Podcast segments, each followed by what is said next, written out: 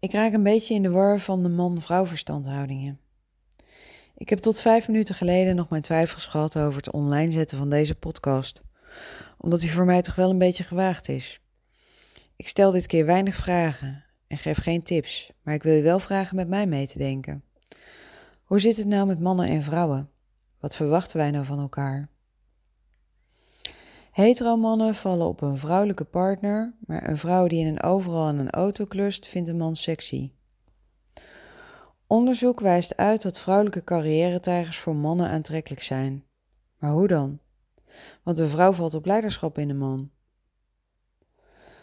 Mannen moeten cool zijn, maar ook verdomde empathisch, want er moeten diepgaande gesprekken gevoerd worden over gevoelens. Vrouwen vallen op alfamannen, de leiders, maar de term narcisme vliegt met je al snel om je oren als je je wil als man zijnde doordrukt. Kinderen van nu groeien op met vluchtige datingapps.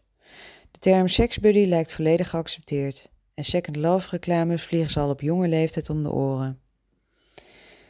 Ergens vanaf ons achtste levensjaar gaan we een soort mentale blauwdruk van onze ideale liefdespartner ontwikkelen. Je guitige campingvriendje, het meisje met de lieve glimlach, of je favoriete tv-held kunnen de eerste vlinders in je buik laten ontstaan. Vanaf daar kleurt de liefde en lustplattegrond zich langzaam verder in. Dus als ik het goed begrijp, ontwikkelen onze kinderen een liefdesplattegrond in een maatschappij waarbij seks en liefde niet meer met elkaar verbonden hoeven te zijn. Even terug in de tijd. Onze overgrootouders hadden niet alleen een relatie met elkaar, maar met de hele gemeenschap. Partnerrelaties stonden in dienst van een groter geheel. Het was een praktische, meestal economische, gunstige afspraak waarbij ouders, dorpshoofden of religieuze autoriteiten vaak een belangrijke rol speelden. De sociale druk was zo groot dat je er als alleenstaande niet over na hoefde te denken wie voor jou de juiste partner was. Daar kwam weinig vrije wil aan te pas. Ik stel het me voor als een soort speeddaten, maar dan met bemoeizuchtige ouders erbij. Toen ergens kwam er een verandering. Vraag me niet wanneer, ik heb geen geschiedenis gestudeerd. Toen kwam er volgens mij een generatie waarin trouwen nog steeds een absolute must was, anders was je compleet mislukt en een schande voor de familie. Maar daarin was er wel ruimte om te kijken naar de relatie en naar de partner. Echtgenoten en echtgenotes ervaarden soms stress, irritaties en frustraties, maar uit elkaar gaan was geen optie. Enerzijds konden ze vervelende eigenschappen zoals vreemdgaan, de lege wc-rol niet vervangen, alcoholmisbruik, etc. niet accepteren. Maar durfden ze ook niet alleen verder te gaan, want op het woord scheiden heeft er lange tijd de vloek gerust. Dat scheiden geaccepteerd is in mijn eigen generatie lijkt me duidelijk. Want dit genereert toch echt 50% van mijn dagelijkse werkload. Maar is het singlebestaan daarmee geaccepteerd? We zeggen nog steeds tegen mensen die net gescheiden zijn: Jij vindt zo ook weer snel weer wel iemand anders. En dan ben je ook weer heel snel heel erg gelukkig. Ik hoorde onlangs een moeder over haar twee knappe dochters van 19 en 20 jaar zeggen dat ze toch zo gerustgesteld was dat ze beide aan een vriend waren gekomen. Ik kan me hier iets bij voorstellen als je je ernstig zorgen maakt over hoe sociaal onze maatschappij nu eigenlijk is. Toch fijn als je kind wat sociale vaardigheden vanuit een relatie dan opdoet. Maar aan de man zijn? Hallo? Hoe lang wil je bestaan van die eenpersoons kant-en-klaar maaltijden nog blijven ontkennen in het versvak van de supermarkt? Die zien jouw dochters ook. Acht je de kans groter dat die mannen van jouw dochters naast aan het altaar staan of dat ze dadelijk aan die kant-en-klaar maaltijden zitten. Ik vroeg de nieuwe generatie onlangs eens tussen neus en lippen door hoe zij het begrip liefde zien.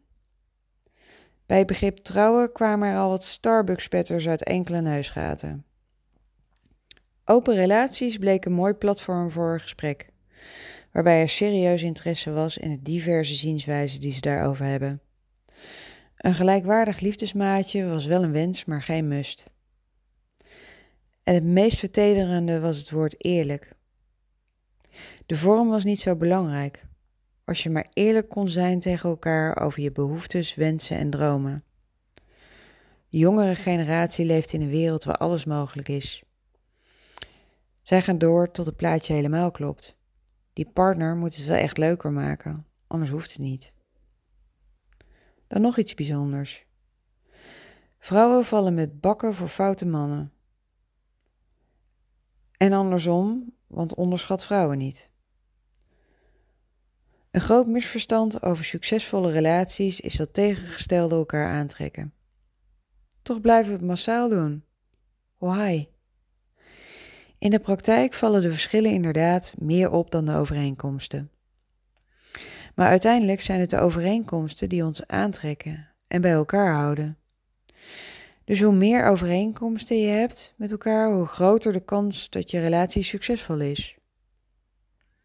Maar heb je enig idee hoeveel leuke stelletjes er beginnen met fantastische overeenkomsten, zoals tennis, natuurdocumentaires, passies voor dikke biefstukken?